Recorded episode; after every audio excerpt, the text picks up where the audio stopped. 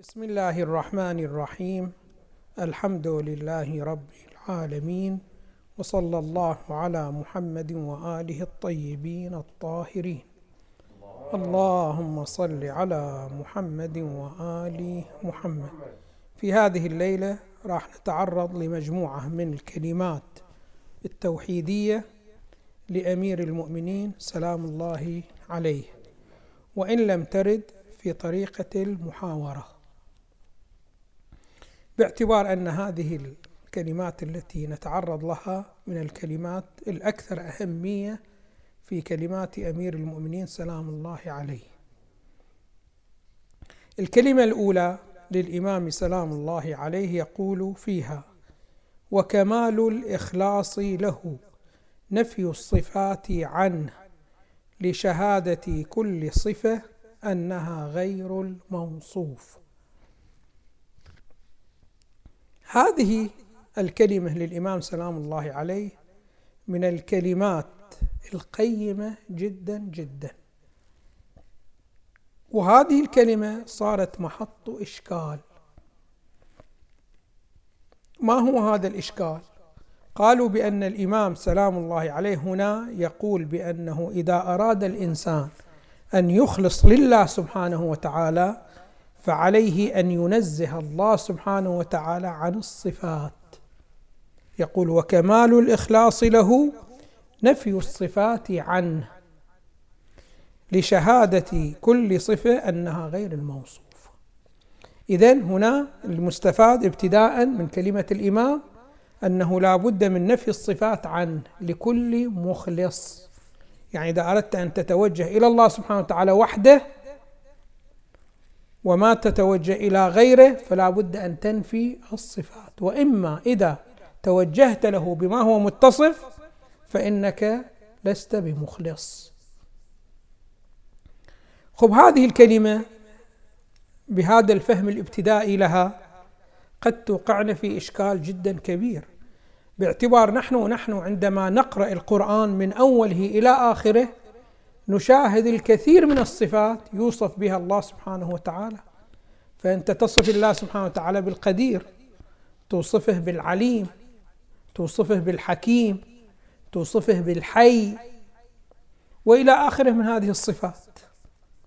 فكيف هنا يقول الإمام بأنه انفي الصفات عنه؟ نبين هنا بأن الصفات على نحوين. والإمام عندما ينفي الصفات إنما ينفي الصفات بنحو معين مو مطلق الصفات والتوصيفات. يقولون الصفة على نحوين عندنا صفة تكون لا بد وأن تكون مغايرة للموصوف. وعندنا صفة تكون عين الموصوف. وإن كان في اللغة وفي الاستعمال اللغوي أن الصفة دائما تكون عين غير الموصوف. في اللغة دائما بهي الصورة. باعتبار اللغة تعتبر أن الصفة تسد ثغرة في الذات المتصفة. فلا بد أن تكون أمر غير شنو هذا الموصوف فمثلا أنت عندما تقول إنسان عالم مباشرة يقابله إنسان جاهل. فمعنى أنه يمكن أن تفرض الإنسانية بلا العلم ويمكن أن تفرضها بالعلم. فكلا العلم والجهل زائدان على شنو ماذا على الإنسان فإذا جاء العلم سد هذه الثغرة وهي ثغرة شنو ماذا الجهل عندما يكون في الإنسان بهذه الصورة. فتكون هذه الصفة شيء مغاير شنو ماذا إلى الموصوف. وعندنا صفة على نحو آخر ما تكون مغايرة للموصوف. بل بمجرد أن تفرض وجود الموصوف فإن الصفة شنو ماذا معه غير منفصلة عنه. وبتعبير آخر غير زائدة عليه. مثلا الآن لو فرضنا أنك ذكرت الأربعة. الأربعة يقولون شنو ماذا؟ هي تكرر للواحد أربع مرات. فلو أنت جئت وقلت أن الأربعة متصفة بتكرر الواحد أربع مرات. فهل هذا الوصف زائد على ذات الأربعة؟ أم هو عين الأربعة؟ يقولون هو عين الأربعة. فهنا هذا الوصف لا يفيد زيادة الصفة على الموصوف وإنما عبارة عن شنو ماذا عن إلفات النظر إلى أنه الموصوف متصف في ذاته وفي أفق ذاته بهذه الصفة بهذا النحو وبهذه الصورة. إذا عندنا الوصف على نحوين. وصف أجنبي عن الذات. يمكن أن ينفصل عن الذات ويمكن أن تتصف الذات به. وعندنا وصف هو عين الذات. يعني ما يمكن أن تفرض الذات بلا هكذا وصف. أمير المؤمنين سلام الله عليه يريد ينفي الصفة التي تكون زائدة على الذات. التي يكون الموصوف شيء والصفة شيء آخر. والصفة تسد ثغرة في شنو ماذا في الذات. يريد ينزه الله سبحانه وتعالى عن هكذا صفة. ولذلك إذا تقرأ أنت العبارة كاملة الله الإمام سلام الله عليه نصب قرينة على إرادة هكذا معنى حيث يقول وكمال الإخلاص له نفي الصفات عن لشهادة كل صفة أنها غير الموصوف. خب أي صفة التي تكون هي غير الموصوف؟ تشهد أنها غير الموصوف؟ الصفة الزائدة التي تسد ثغرة في الذات المتصفة. إذا أمير المؤمنين سلام الله عليه لا ينفي الصفات مطلقا وإنما ينفي خصوص الصفة التي تكون زائدة والتي تكمل الذات. مثل شنو؟ ماذا العلم بالنسبة للإنسان. فالله سبحانه وتعالى يتصف بالعلم كما يصفه القرآن ولكن ليس من باب صفة الإنسان بالعلم. فإن صفة الإنسان بالعلم بلا إشكال تسدد ثغرة تسد ثغرة. فيه كان ناقص قبل العلم ثم يكمل شنو ماذا بالعلم. الله سبحانه وتعالى ما يمكن أن نفرضه وجود بلا علم. بمجرد أن تفرض الله سبحانه وتعالى فقد فرضت معه كل صفات الكمال. إذا هنا الإمام سلام الله عليه يركز على هذه المسألة بأن الله سبحانه وتعالى لا يتصف بالصفات الزائدة على ذاته التي تسد ثغرة ويكون هو ناقص لولا هذه الصفة. ليس بهذا النحو. وإنما يريد شنو ماذا؟ أن ينفي الصفات الزائدة ويثبت له الصفات التي تكون هي عين ذاتة. في مجرد أن تفرض الله سبحانه وتعالى فقد فرضت الصفات بهذه الصورة وبهذا النحو. هذه شنو ماذا؟ العبارة الأولى التي نريد أن نتعرض لها. العبارة الثانية أيضا للإمام سلام الله عليه. كائن لا عن حدث. الله سبحانه وتعالى كائن لا عن حدث. موجود لا عن عدم. شوفوا الآن إحنا أي شيء نثبت وجوده في الخارج؟ فهو على نحوين. أنت تقول الإنسان موجود ولك أن تسأل متى لم يكن الإنسان موجود؟ أما الله سبحانه وتعالى إذا قلت موجود ليس لك أن تسأل متى لم يكن موجود. لماذا؟ ما هو الفرق؟ يقولون الفرق أن الإنسان الله الإنسان إذا أنت مارست وتعاملت مع إنسان هذا الإنسان يمكن لك أن تحلل شخصيته إلى أمرين إلى حقيقة ووجود. فتقول هذا حقيقته الإنسانية.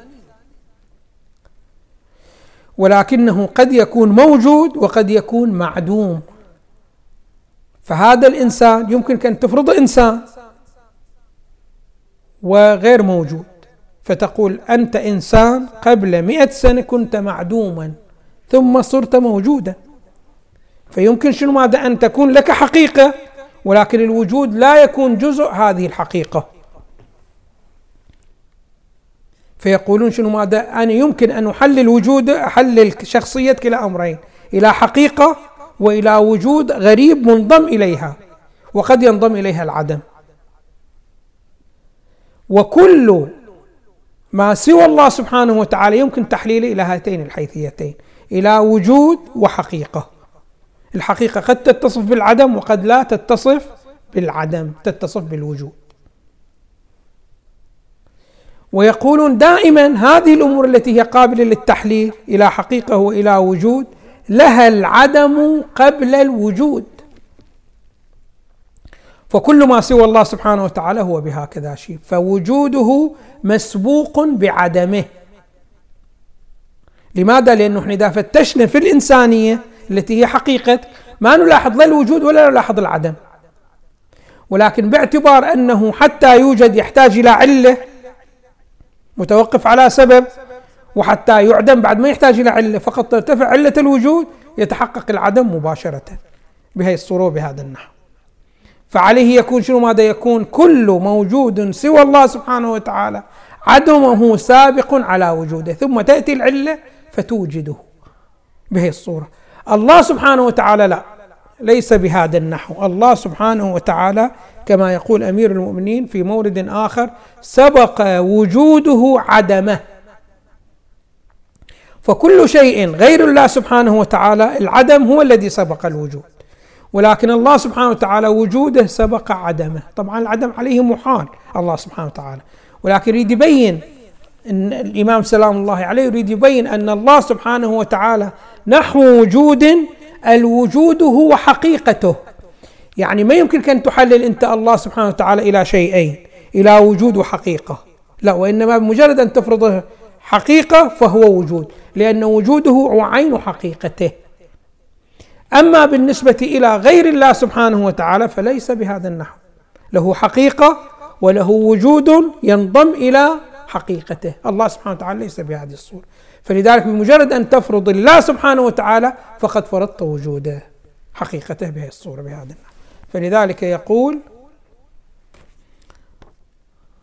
كائن الله سبحانه وتعالى عن حدث. كل ما سواه هو كائن عن حدث. الحدث هو عبارة عن تحقق الوجود بعد العدم. فكل موجود سواه كان عدم ثم شنو ماذا؟ ثم وجد. إلا الله سبحانه وتعالى. فهو موجود لا عن عدم. يعني مجرد أن تفرض الحقيقة هي موجودة. لماذا؟ لأنه لا تستطيع أن تحلل وتفصل وجوده عن حقيقته. فلذلك ما أبعد هؤلاء الذين يقولون شنو ماذا؟ بأن الله سبحانه وتعالى غير موجود ولا تحقق له إلى آخره. والإنسان يكون موجود. ما عندهم مشكلة بأنه الإنسان يكون موجود ولكن الله سبحانه وتعالى غير موجود. كيف يكون ذلك؟ إذا كان شنو ماذا؟ الإنسان وهو الذي يكون وجوده زاد على حقيقته. تثبت له الوجود. والله سبحانه وتعالى الذي هو حقيقته الوجود. تقول شنو ماذا أشكك فيه؟ ولا أؤمن شنو ماذا بوجوده. هذا من الابتعاد عن شنو ماذا؟ عن الصواب وعن الرشاد. أساسا شنو ماذا يستحيل أن يكون الإنسان الذي ينضم له الوجود موجود ويشكك شنو ماذا في الله سبحانه وتعالى. واساسا لاحظوا أساسا هاي عملية التشكيك في وجود الله هي ما حصلت إلا في الأزمان الأخيرة.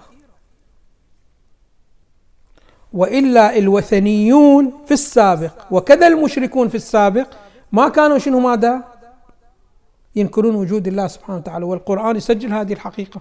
ولئن سألتهم من خلق السماوات والأرض ليقولن الله. فالله موجود هو الخالق. ما كان في تشكيك في وجود الله سبحانه وتعالى. التشكيك كان في شنو ماذا؟ في انحصاره انحصار الربوبية فيه.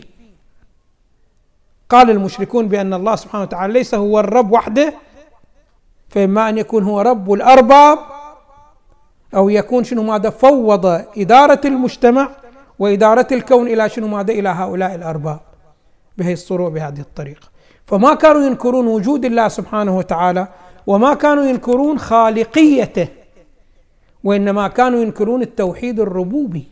هي كان وكانت رسالة الأنبياء كلهم على مسألة شنو ماذا؟ لإثبات التوحيد الربوبي ليس إلا به الصورة بهذا النحو. هذه في المدة الأخيرة هي خرج من ينكر وجود الله سبحانه وتعالى. الكلمة الثالثة يقول الإمام سلام الله عليه عن الله سبحانه وتعالى مع كل شيء لا بمزايلة. شوفوا الآن إحنا عندنا الأشياء والمعية المعية عندنا على أنحاء. عندنا معية تجتمع مع المزايلة. يعني كيف مثلا أنا معاك أكون في مكان واحد.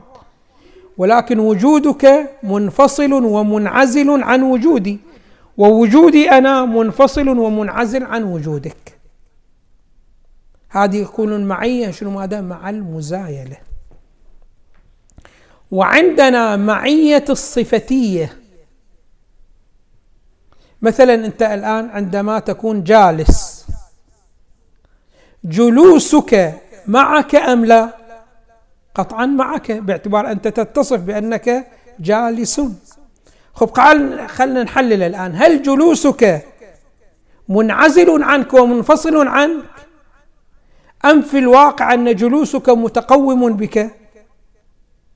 جلوسك شنو ماذا؟ متقوم بك. يقولون هذه معية الصفتية. هو الله سبحانه وتعالى يقول الإمام سلام الله عليه معك لا بالمزايلة. يعني شنو معك لا بالمزايلة؟ يعني لست أنت في محل يشار لك وهو الله سبحانه وتعالى في محل آخر يشار إليه فتكون بينكما عزلة لا مو بهذا النحو. وإنما أنت وجود متقوم بالله سبحانه وتعالى. وإذا أردنا أن نوضح أكثر نقول لك انظر إلى علاقة الجلوس بك وكيف هو متقوم بك جلوسك أنت متقوم بالله سبحانه وتعالى كتقوم جلوسك بك. فما يمكن أن نشير إليك ولا نشير إلى الله سبحانه وتعالى. كما أنه لا يمكن أن نشير إلى جلوسك وما أشير إليك. إذا أشرت إلى جلوسك فقد أشرت إليك. لماذا؟ لأن نحو وجود جلوسك إنما هو متقوم شنو ماذا؟ بك. كذلك أنت متقوم بالله سبحانه وتعالى. فما يمكن أن أشير إليك ولا أشير إلى الله سبحانه وتعالى. فلذلك في الحديث موجود يؤتى بعبد يوم القيامة. فيقول له الله سبحانه وتعالى مرضت فلم تزرني. الله سبحانه وتعالى يقول لهذا العبد. فهذا العبد مباشرة يلتفت إلى الله سبحانه وتعالى. قال ربي سبحانك أنت ما تمرض. يمرض البشر لأنه وجود مادي يعرضه المرض والصحة. أما أنت يا ربي لست بوجود مادي فأنت منزه عن هكذا شيء. فيجيبه الله سبحانه وتعالى. مرض فلان ولو زرته لوجدتني. باعتبار فلان متقوم بي واضح شلون؟ إيه؟ وهكذا نحن في النبي صلى الله عليه وآله يقول من زارني فقد زار الله لماذا؟ لأن وجود النبي نحو وجود متقوم بمن؟ بوجود الله سبحانه وتعالى فليس بائن بينونة عزلة وإنما إذا كان هناك بينونة فهي بينونة الصفة واضح شلون؟ فعلينا أن نتعامل مع الأشياء بهذا النحو وبهذا الوجود. الكلمة الرابعة يقول سلام الله عليه جعل الخلق دليلا عليه. كل ما سوى الله سبحانه وتعالى بلا إشكال هو مخلوق لله سبحانه وتعالى. لأن إحنا عندنا قاعدة تقول بأنه لا واجب وجود بالذات إلا الله سبحانه وتعالى. الله سبحانه وتعالى هو الواحد الواجب شنو ماذا؟ بالذات. وما سواه من الموجودات هي ممكنة. سواء كانت وجودات كاملة جدا كالملائكة أو الأوصياء والأولياء أو شنو ما ما دونه من الفاسقين والضالين. ما في فرق. الكل شنو ما ممكن. والله سبحانه وتعالى هو الوحيد الواجب بالذات. الوحيد الغني هو الله سبحانه وتعالى والكل فقير. ملك طفل بطل ضعيف ما يفرق. الكل أمام الله سبحانه وتعالى الكل ممكن وهو الواجب. الكل فقير وهو الغني. الكل محتاج وهو الممد. الكل شنو ماذا بهذه الصورة وبهذا النحو. فإذا كان بهذه الصورة يقولون دائما بين الفاعل وفعله نحو مسانخة بحيث هذا الفعل يحكي عمن عن الفاعل. كل واحد. فأنت الآن إذا نظرت في فعل الله سبحانه وتعالى من خلال تأملك في الفعل تستطيع أن تثبت أن الله سبحانه وتعالى قادر. من خلال تأملك في الفعل تستطيع أن تثبت الله سبحانه وتعالى حكيم. من خلال تأملك في الفعل تستطيع أن تثبت أن الله سبحانه وتعالى عليم وإلى آخره. فكل ما سوى الله سبحانه وتعالى هي آيات لله سبحانه وتعالى يعني علامات تدلك على الله سبحانه وتعالى هذه كلها الدنيا وما فيها من الأمور كلها شنو ماذا؟ دلائل على الله سبحانه وتعالى فلذلك يقول الإمام سلام الله عليه يقول البصير من أبصر بها والأعمى من أبصر لها يعني شنو؟ من أبصر لها جعلها موضوع. واهتم بها. وأما البصير هو الذي شنو ماذا؟ اعتبرها شنو ماذا؟ تريه الله سبحانه وتعالى. يكتشف الله سبحانه وتعالى من خلالها. فلذلك إحنا مأمورون أن ننظر في الآيات الآفاقية وفي الآيات الأنفسية. الآيات الآفاقية يعني شنو ماذا؟ مواد الكون ومفردات الكون. عليك أن تنظر فيها راح تثبت شنو ماذا؟ تثبت وجود الله سبحانه وتعالى وتثبت صفات الله سبحانه وتعالى. وعليك أن تنظر في نفسك فتثبت أيضا وجود الله سبحانه وتعالى وصفات الله سبحانه وتعالى. فأنت إذا تأملت في نفسك تشوف احتياجك تشوف جهلك تشوف ضلالك تشوف عجزك فمن خلال عجزك تثبت قدرة الله. من خلال جهلك تثبت علم الله. وهكذا كل هذه الأمور. فعلينا دائما شنو ماذا؟ أن ننتقل من مرئياتنا إلى شنو ماذا؟ إلى فاعلها وهو الله سبحانه وتعالى. فكل شيء سوى الله سبحانه وتعالى هو آية دالة على الله. جعل الخلق دليلا عليه. الكلمة الخامسة للإمام سلام الله عليه يقول فيها معرفته توحيده وتوحيده تمييزه من خلقه وحكم التمييز بينونة صفة لا بينونة عزلة. هذه الكلمة العلماء السابقين إذا قرأوا علم كلمة جدا بليغة وذات معنى جدا عميق مباشرة يقول أن هذه الكلمة لو جعل قيمة الحصول عليها وفهمها سفك الدماء لما كان كثيرا كثمن لها. هذه الكلمة من هذا النحو. لو عرض على الإنسان بأنه يسفك دمه في سبيل أن يحصل على هكذا معلومة؟ ما كان شنو ماذا كثير سفك الدم خب ماذا يريد أن يبين الأمير سلام الله عليه في هذه الكلمة؟ يقول معرفته توحيده.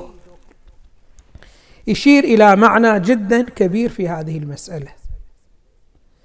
يقول بأن الله سبحانه وتعالى إذا الإنسان عرفه تمام المعرفة مباشرة يحكم بأنه واحد وأحد.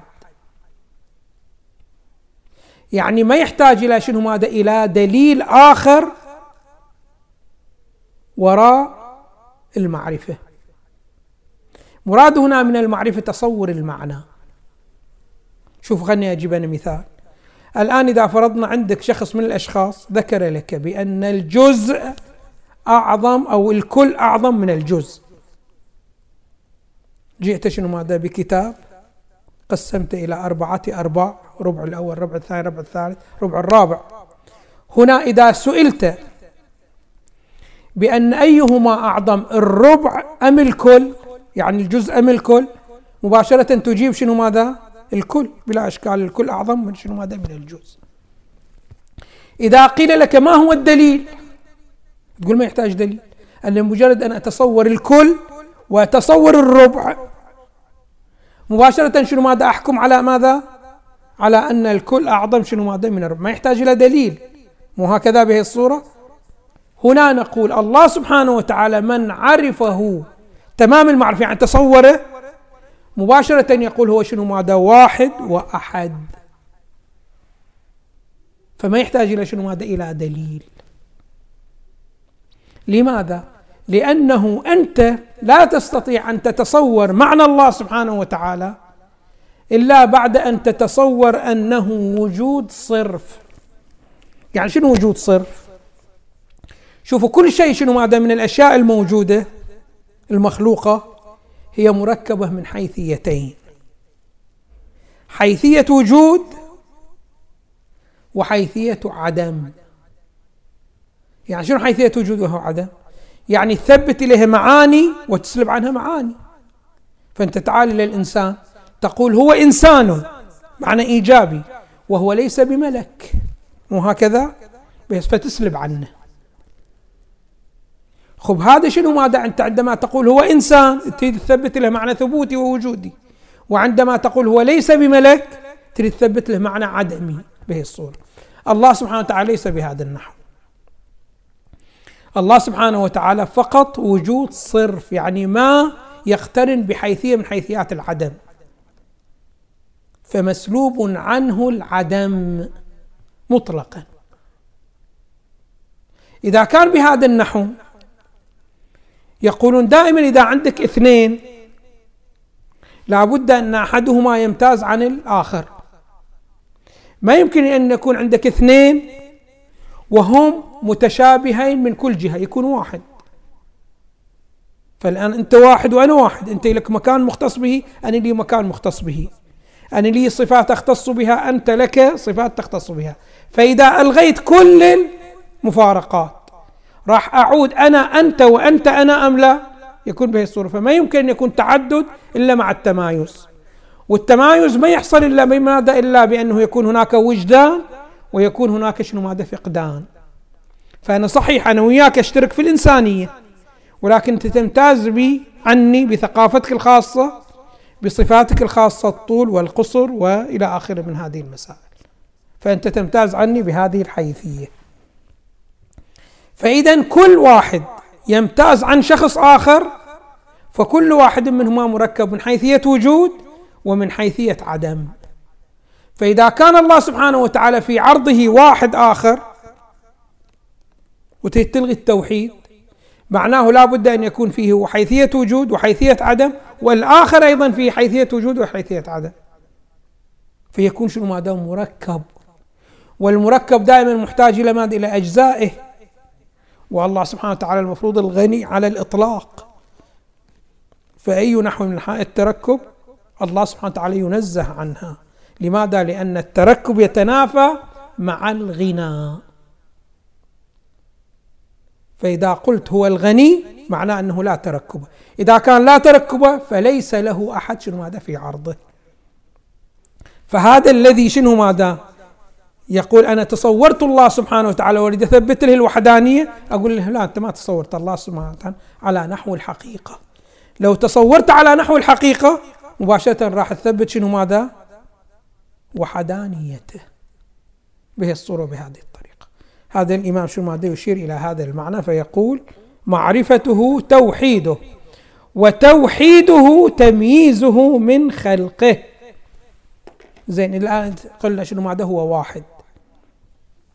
إذا كان واحد لابد أن يكون شنو ماذا مميز من خلقه. يعني شنو ماذا يعني لا يكون أحد من خلقه في رتبته في رتبته وإنما هو الوحيد في رتبته. والمعنى جدا لطيف عندما يشير إليه الإمام الرضا سلام الله عليه حيث يقول في بعض كلماته كان الله ولم يكن أحد معه والآن هو كما كان. ماذا يريد أن يقول؟ يقول يعني بعد أن خلق الله سبحانه وتعالى الخلق لم يكن الخلق في ماذا؟ في مرتبته حتى يزاحم وحدانيته. لا. وإنما كل الخلق جاء في مرتبة متأخرة. كأنت الآن. عندما تكون أنت أنت وقيامك. قيامك في مرتبتك أنت أو هو متأخر عنك يقولون متأخر عنك فلذلك أنا إذا دخلت المسجد وشفتك تصلي وحدك وسألني أحد الأشخاص كم واحد؟ شنو مادة في المسجد؟ أقول له كم واحد. ما يقدر يعترض علي يقول لي لا هذا واحد وقيام أو هذا واحد وركوع. فهما اثنان أقول لي لا الركوع أمر قائم به ليس موجود في مرتبته فما يزاحم وحدانيته. كذلك سائر الموجودات لا تزاحم وحدانية الله سبحانه وتعالى. لماذا؟ لأنها ليست موجودة في مرتبته.